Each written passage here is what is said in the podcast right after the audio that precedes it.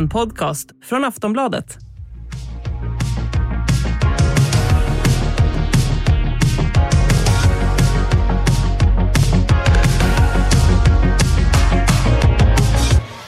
Hallå och varmt välkomna till vår podd En runda till. Oj, vad det knastrar. Så, den här podden är ju såklart döpt efter det som har pågått den här veckan, nämligen talmansrundor. Äntligen är det vår tur att ha ett namn som, som ligger i tiden, känner jag. Eh, det här är alltså Aftonbladets politikpodd med de politiska experterna Lena Melin. My Råväder. Och lilla jag, Soraya Hashim. Och min första fråga är ju naturligtvis, nu när jag har experter vid bordet och vittnen. My och Lena, när har vi en ny regering? Jag vill ha ett exakt datum, tack. 10 oktober. Ja, då får jag vara mer optimistisk. 5 oktober säger jag. Okej, okej. Ikväll ska vi i alla fall utgå från det mest troliga, nämligen att Ulf Kristersson, 58-årig löpare och hundvän från Strängnäs, kommer bli vår nästa statsminister och att han är den som kommer bilda regering tillsammans med sitt lite brokiga gäng på högersidan. Vi ska alltså dissekera Kristersson som statsminister innan han ens har tillträtt. Såna är vi. Vi tar oss friheter. Eh, är ni med på det? Absolut. Kör. Kör. Toppen. Så, vi är ju ändå på Bokmässan. Då vill jag börja med att fråga, vilken bok bör Ulf läsa innan han tar sig an sitt nya jobb? Ja, han kanske behöver en paus och det han intresserar sig för mest det är ju vader och löpning. Det är sant. Det är det han har pratat om mest nästan när man träffat honom nu under valrörelsen. Um, nej, men så att en, någon slags eh, coffee table book med eh, livets bästa vader. Svart, svartvita bilder på, I färg, svartvitt. på diverse vader. Någonting man kan meditativt bläddra sig igenom när man behöver en paus. Vad säger du, Lena? Nej, jag tycker jag ska läsa Ann på Grönkulla. Det var en av mina favoritböcker när jag var barn och det handlar om att ta sig igenom allehanda svårigheter. Uh, Ann på Grönkullas föräldrar är döda. Hon hamnar på barnhem, sen hos en elak tant som har en snäll bror Eh, så att, eh, som gör att eh, Ann överlever. Och, hon har dessutom rött hår och fräknar och vill då inte ha det utan färgar håret svart tror hon, eller vill hon, och det blir grönt. Men trots allt, hon växer upp, hon blir en bra människa, hon får massor med barn. Jag tror att det kommer att stärka Ulf och ta sig igenom hela Antti på Grönkulla-serien. Får se om man lyssnar, jag hoppas.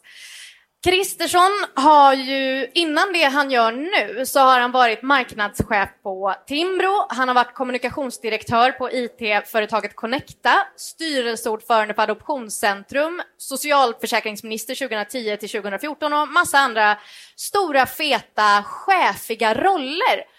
Utifrån det vi vet om hur han har varit chef tidigare, vad kommer utmärka hans ledarstil när han blir statsminister? Han har ju inte varit så profilerad som ledare, varken som socialborgarråd eller socialförsäkringsminister. Mm. Så att äh, den tid han haft blom, att blomma som så att säga, ledare, den, den högsta ledaren, det är de här åren som numera har blivit fem som partiledare och då kan man väl inte säga att han har visat någon utpräglad ledarstil av något slag. Du, det låter som att du beskriver wellpapp. Är det det liksom vi kommer få? Nej, men ja, inte, inte blöt wellpapp i alla fall. Men, men... Torr wellpapp, jättemycket ja. bättre. Nej, men vad jag förstår är han ju väldigt bra på att delegera saker mm. till andra människor. Det kan ju vara både en styrka och en svaghet om man ska vara statsminister. För det är mycket som ska delegeras, men sen måste man ju kunna ta de där svåra besluten när de landar i knät, när ingen annan har kunnat lösa problemen. Mm. Så det återstår ju att se vad det gav. Och sen lär ju Ulf Kristersson ha svårt att bestämma sig. Ja. Vilket gör honom svårt att för, svår att förhandla med. Men eh. det är också svårt att göra ett jobb om man har en chef som aldrig liksom säger vad man ska göra. Det beror lite på vad man har för gäng, hur starkt är gänget runt omkring och hur, liksom, om det finns outtalade viljor, om de är tydliga eller otydliga. Mm. Men jag tror att det är väldigt viktigt att man kan fatta beslut som ledare. Ja, men... Alltså kan man inte det kan man inte göra någonting. Och det ser vi inte här. Nej, men alltså han, jag kan, har aldrig förhandlat med honom så att jag kan inte svara på det, men de som har gjort det säger att han har svårt att bestämma sig. Det är dåligt. Halt, låter det som. Ja. Men eh, vilken egenskap kommer definiera honom som statsminister? Alltså blir det den här stränga, bullriga, tar han mycket plats? Ja, Tar han mycket plats? LOL. Nej, det gör han ju inte. Vilken egenskap? Eh, nej, men Vilken jag tror, statsminister Spice är han? Om man nej, men jag tror inte han saknar egenskaper att ha, vara liksom statsmannamässig för att han är ju en sån här resonerande, talande, tänkande person. Ehm, så att jag tror i och för sig att han har ju aldrig varit någon här stor, stort fan av eh, presskonferenser eller att kommunicera med journalister så att det kanske blir lite färre av det. Men att, eh, att han är liksom ändå har ju det här liksom resonerandet i sig. Kommer det bli ett problem för er? Att han inte gillar att snacka med journalister? Nej, men, äh, nej, det, statsminister, Det gör ingen statsminister. Statsministern har ju, inte, har ju sällan tid att prata med journalister jättelänge. Men det som jag tänker är ett problem att vara statsmannamässig är ju eh, till slut väldigt ihåligt om man inte fyller det med någonting.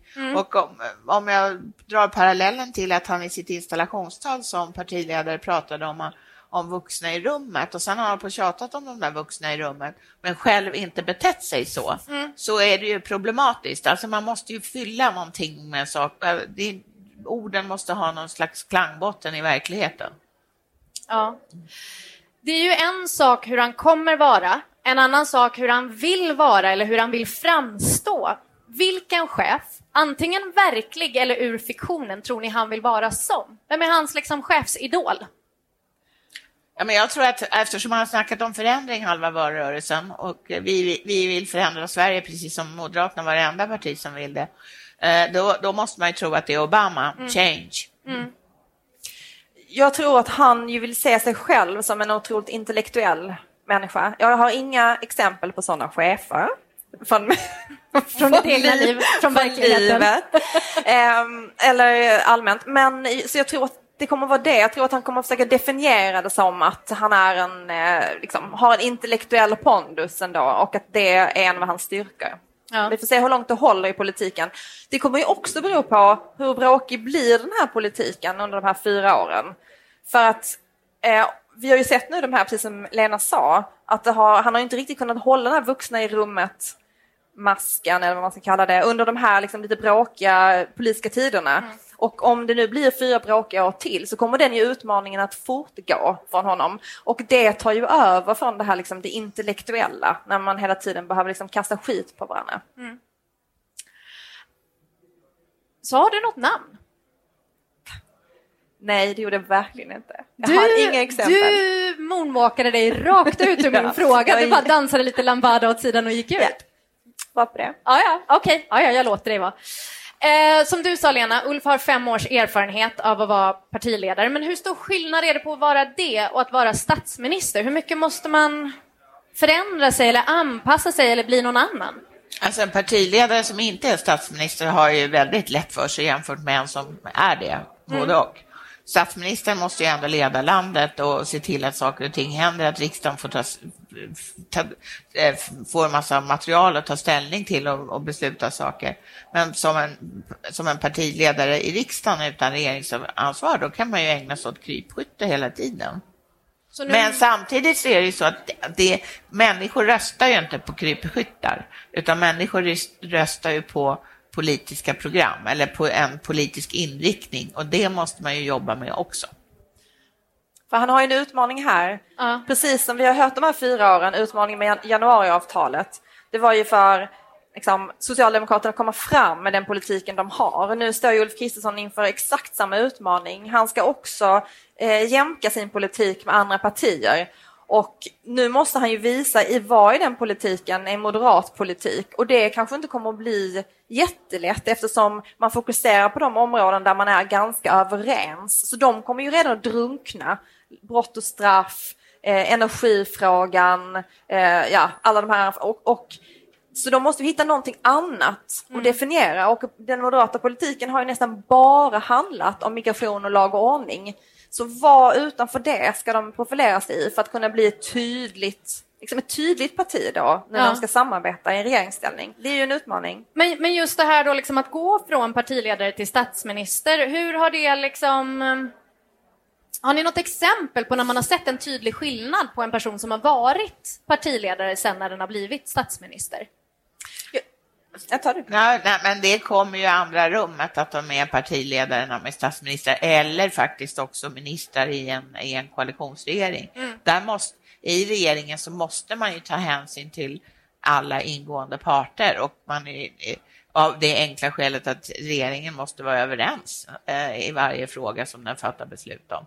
Så att det, det är ju en väldig skillnad jämfört med opposition där man ju kan skita i att vara överens med någon överhuvudtaget. Mm. Sen finns det ju en stor skillnad för människan som blir statsminister och det är ju att man måste dels till exempel Magdalena Andersson var ju finansminister och hade liksom ett politiskt område. Sen måste man ju bli allmänpolitisk när man blir statsminister och partiledare också i och för sig. Ehm, och så måste man också ha Eh, en viss tillgänglighet. Alltså det blir ändå förändring i hur man ska relatera till media till exempel. Så att, och det tycker jag har varit rätt stor skillnad när de har gått från att vara partiledare till statsminister. Med henne var det ju också att hennes rykte hela tiden föregick henne. Jag hade inte så bra koll på henne innan hon, hon liksom började nämnas som att hon skulle vara den som skulle ta över. Och då var det ju så himla mycket om att så här, hon är tjurig, hon har massa humör, hon vill bråka, hon ger sig inte, hon är envis. Alltså, de där egenskaperna tycker jag ändå inte jag sett så mycket när hon har varit statsminister. Är det någonting hon har slipat ner? Jag skulle säga att hon är ganska konfrontativ för att vara statsminister. Nej, men alltså jag förväntade mig liksom något jättehårt. Ja, men eh, om du jämför med hennes företrädare så kan jag nog säga att hon har varit ganska eh, missilartad. Ja. Jo, det är i och för sig sant. Där, där är vi kanske tillbaka Och på nu kan vi ju påpeka när vi ändå sitter här att det är det där rummet bakom den där väggen som hon valdes. Är det sant? Alltså, vi- Precis här? Ja. Exakt, vi får så här flashbacks när vi sitter här, att de här människorna blinkar bort och så är det bara sossar överallt som bara dyker upp. För det var sist vi var här så var det det, då satt man här ute och bara andades ut men det bara malde där inne. Aha. Stenar och också und so weiter. Vi kanske kan komma förbi security sen allihopa och smita in och kolla och se hur det ser ut. Vad heter det? En sak som jag är nyfiken på också är ju Kristersson i världen. Han ska ju också representera Sverige för, för alla andra länder. Hur ser ni hans förmåga att eh, lyckas representera oss internationellt? Lena? Jag vet inte. Alltså, han har ju absolut ingen internationell profil förutom att han har varit ordförande i Adoptionscentrum och då handlar det mycket om relationer till Kina. Ja. Eh, Men, eh, men så jag har faktiskt ingen bild av det. Har du någon bild? Med? Nej, faktiskt inte. Jag tror aldrig jag har hört honom prata om eh, Kan han prata förutom engelska? NATO. Men mycket, mycket av fokusen kommer ju vara NATO för honom. Det är Ja. ju ändå en moderat profilfråga. Ja. Ja, och sen så är han ju tvungen att pro- att profilera sig i EU-frågor eftersom det, nu är det ju bara tre månader kvar innan vi är ordförande i EU. Ja, ja. Det är mycket han ska göra nu de här, den här Det är hösten. Bråda dagar. Så, ehm, en viktig fråga för Kristersson naturligtvis är ju det här med lag och ordning som du var inne på. Ehm, under själva valrörelsen så bad han ju röda väljare att låna ut sin röst till honom för att han skulle då stävja brottsligheten. Ehm, kommer han lyckas ordna upp alla brott under de här fyra åren som han har lovat? Nej, men om, om man säger att, att hans löfte är förändring eller jag vill få saker gjorda, då har han ju satt målen ganska högt. Och, eh, det här är ju ett prioriterat område så att på något sätt så måste det ju hända någonting för att han inte han ska stå där med sin tvättade hals. Alltså man, han kan ju bara gå tillbaka till sig själv. Att han själv sa det här kommer att ta två decennier att reda ut. Det Ja. var kanske ett svagt ögonblick innan valrörelsen verkligen kickade igång. När han bara, jag fixar detta på fyra år, Ja. boom! Nej, men jag tror inte heller att de kommer behöva göra någonting som att det ska vara något dramatiskt. De kommer ju bara, bara det blir en siffra färre dödsskjutningar så kommer det ju vara en politisk seger för honom tror jag. Nej, men Alltså, tänk det om alla inte- hade det så på jobbet. Bara det var så här mycket bättre än förra året så är man nöjd. Ja, ja. Okej, men hur mycket hinner man göra egentligen på fyra år? Alltså hur mycket kommer han konkret hinna göra på fyra år med den här frågan? Man kan hinna göra ganska mycket. Det har, också, det har ju legat ganska mycket i pipeline som liksom kickar in och det har gjorts ganska mycket under de här fyra åren ju, och det kommer ju vara, alltså det kommer hända saker utifrån de åtgärderna också. Finns det en risk då att han tar åt sig äran för saker som motsatta sidan har genomfört? Men Soraya, Nej, men... vi har ju, nu har vi pratat, hur gör politiker Soraya? Ja, de vänder nej. taket till sin fördel. Ja, nej, men det är ju absolut, det är ja. ju uh, allt okay. någon annans fel. Ja, och, och då om, om Socialdemokraterna kommer att säga att det var faktiskt vi som la fram hur många förslag det nu var, och 70 ska, ska, straffskärpningar och allt vad det var, så kommer Ulf Kristersson säga att det hade ni aldrig gjort utan oss. Ja, just det. Så man, man gör allt man kan för att ta åt sig credden av ja. allt som sker, Såklart. oavsett om det var tack Såklart. vare dig eller inte. Mm. Egenskaper att lära sig ifrån på arbetsmarknaden. Uh, Ulfs akilleshäl, kanske den mesta akilleshälen av alla är ju att Sverigedemokraterna numera är större än Moderaterna. Uh, hur mycket kommer hans statsministerskap präglas eller kanske till och med plågas av Jimmy Åkesson? Jag tror inte att det kommer att plågas mer än att liksom självkänslan kommer vara något stukad och att det också kommer vara förmod eller kan bli så att eh, om det blir politiskt turbulent under den här mandatperioden, att han kommer att plocka in Sverigedemokraterna möjligtvis i en regering. Eh, så att jag tror att det som egentligen framförallt händer nu, det är ju att det är fyra år in emellan mm. innan vi kommer till valet 2026, som ju är den gyllene graalen för Sverigedemokraterna. För ja. det är då de säger att då kommer de att sitta i regering. Redan på valvakan så var det ju liksom 2026 som skanderades för att nu är första steget verkligen taget mot det här liksom, att de kan sitta i en regering. Så jag mm. tror att det mer kommer präglas av att de ska skaffa sig erfarenhet och kommer se till att det finns ett samarbete som är så starkt och förtroendefullt att de kan komma in i regeringen 2026. Om de inte gör det innan. Men så just nu är vi ändå i en situation där det förhandlas Alltså det förhandlas för fullt om regeringsbildningen mellan Moderaterna, Kristdemokraterna, Liberalerna och Sverigedemokraterna. De här fyra partierna har i alla fall i slutet av valrörelsen agerat som i princip bästis och bundis. De har ju liksom inte tagit repliker på varandra i debatter, de, det har inte varit så mycket tjuvnyp och så, eh, generellt säger jag. Samtidigt som vi kommer från en jättestökig mandatperiod där det har varit misstroendeförklaringar och eh, otroliga nivåer av jidder en naturlig fråga blir ju då, blir de här fyra åren, blir det, de här, blir det fyra år för Kristersson eller kommer det här projektet att paja om några månader? Det kan inte bara månader, tror jag inte, men det kan mycket väl paja om något år eller så. Ja, för du skrev ju det om stämningen i, i riksdagen och hur de har det. Alltså, känns det som att de har lärt sig någonting av de senaste fyra åren?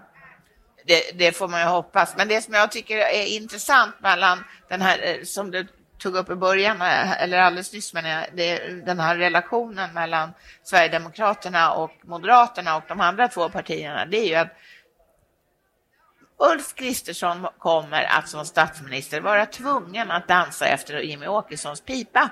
Ja. Annars så går inte deras förslag genom riksdagen.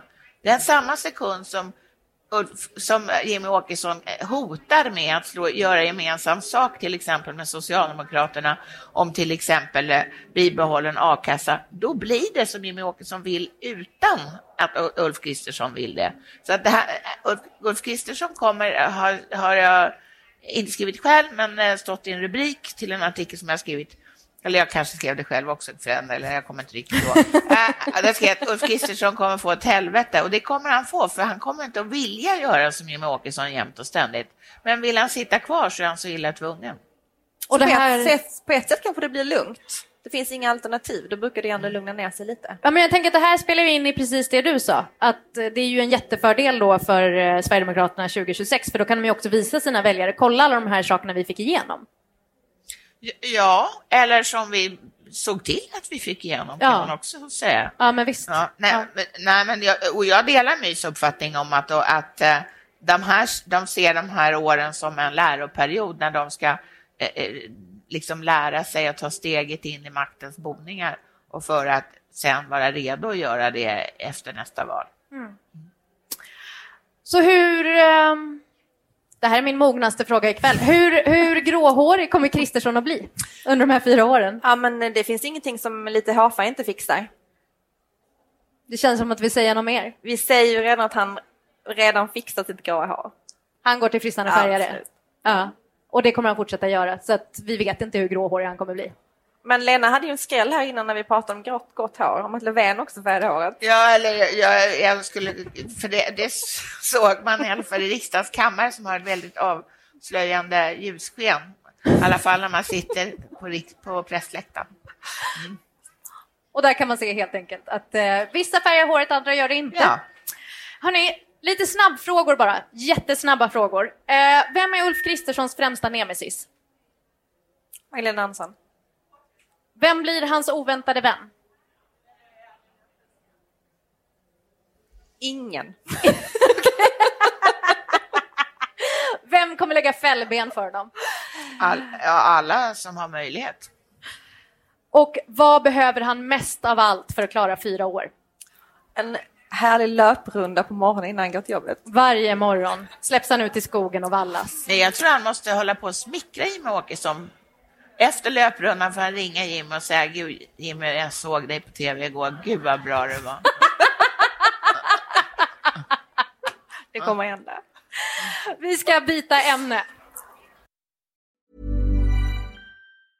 Hey, I'm Ryan Reynolds. Recently, I asked Mint Mobile's legal team if big wireless companies are allowed to raise prices due to inflation. They said yes. And then when I asked if raising prices technically violates those onerous two year contracts, they said, What the f are you talking about, you insane Hollywood ass?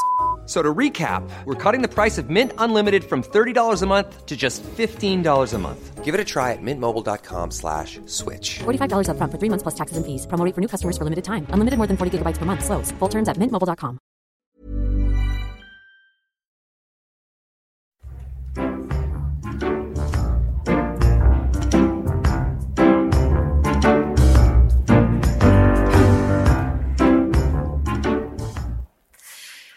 jag säga vad som inte saknades under den här valrörelsen?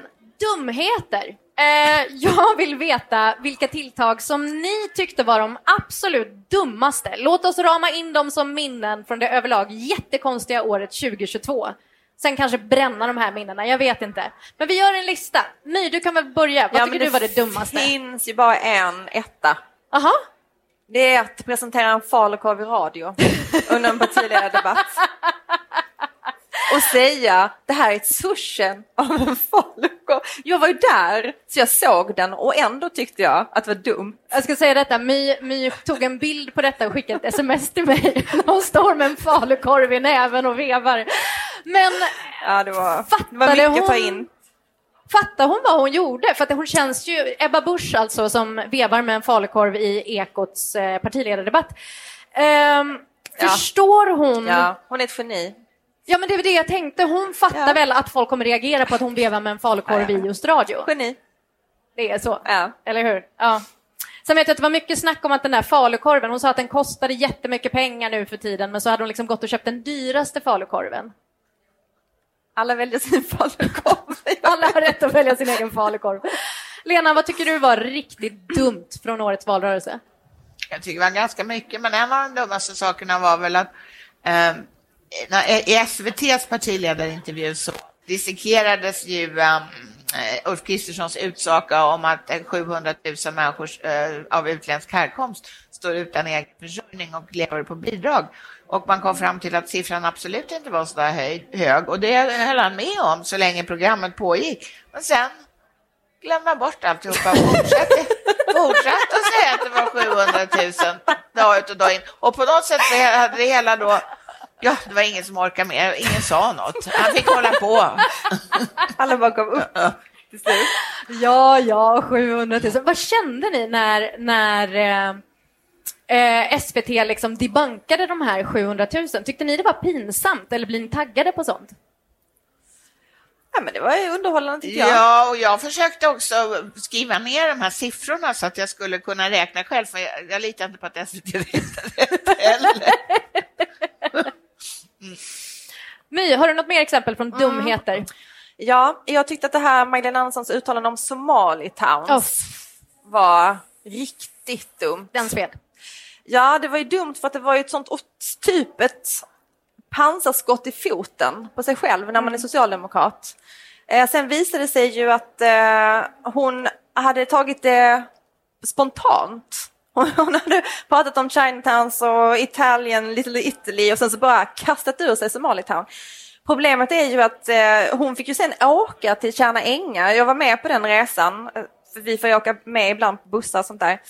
Eh, och där då försöka prata om hur hon inte alls menade Somalitown, och, och för Tjärna Ängar har ju det väldigt stor somalisk befolkning.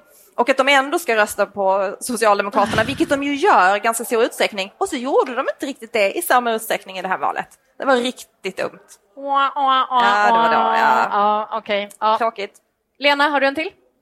Det har jag säkert, men jag har glömt bort dem. För du får ge mig en ledtråd, för vi gick ju igenom Ja, men några. du är ju... Du tycker ju alltid det är väldigt irriterande när folk ska hålla på och veva om saker I riksdagen. Som, i riksdagen som eh, misstroendeförklaring. Ja, just det. Det tyckte jag var bland det dummaste. Eh, absolut. Och det var den här misstroendeförklaringen som Sverigedemokraterna väckte mot eh, Morgan Johansson. Eh, och där var det ju så att det hängde ju bara på en röst för att Morgan Johansson skulle bli bortröstad från ur regeringen.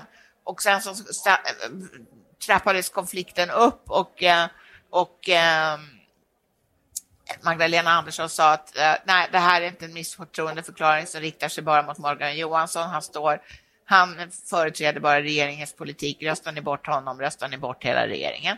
Så det var ju, det var ju världskrig i riksdagen kan man säga. Och sen, men sen kommer då det som jag tyckte eh, var urdumt och det var att Moderaterna, Kristdemokraterna och Sverigedemokraterna eller hoppade på Sverigedemokraternas tåg och sa att ja, men vi kommer också rösta för att bli av med Morgan Johansson, för han har varit en urdålig eh, justitieminister i åtta långa år. Och han har varit, varenda dag på jobbet så har han varit liksom en, en katastrof. Och det kan man ju tycka.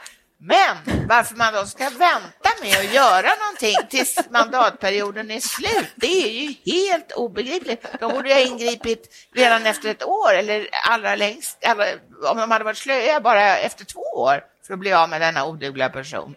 Ja, men det är de här liksom extrema stormarna i en kvart. Ja. Och sen så bara, nej det hände ingenting. Han fick inte gå avgå, ingenting hände.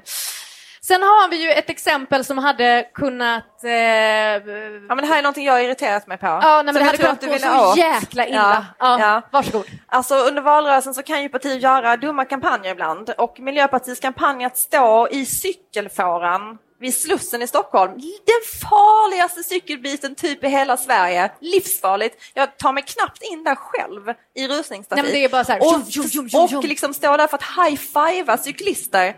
Alltså förlåt, är det någon stockholmare här? Ja. Stockholmare är ju så elaka i trafiken. Jag hade liksom aldrig vågat sträcka in en hand i stockholmare som kommer cyklande. My God! Jag såg In en annan miljöpartist precis där jag bor som också stod och liksom vevade ut armen. Jag tog Ah. världens Ja, omväg. bara, var... Nej, nej, ja, nej. den fick ju för sig väldigt stort genomslag med tanke på att det var en väldigt liten kampanj på ett väldigt specifikt ställe på en väldigt liten plats i Sverige. Ja, Så det- absolut, PR också kanske, inte geni men bra PR-strategi. Good for you. Ja. Hörni, My och Lena, tack så hemskt mycket för ikväll. Vi är tillbaka med en alldeles vanlig podd på torsdag och den kan man ju lyssna på där poddar finns. Vi som gör det här programmet är som alltid vår eminenta producent Olivia Svensson som är kingen av den här podden. Experter My Råväder och Lena Melin och jag heter Soraya Hashim. Thank you Göteborg!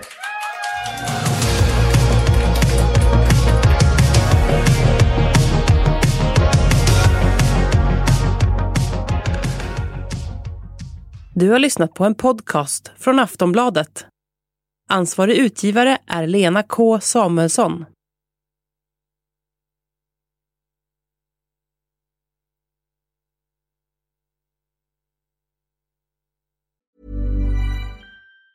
Say hello to a new era of mental health care. Cerebral is here to help you achieve your mental wellness goals with professional therapy and medication management support. 100% online.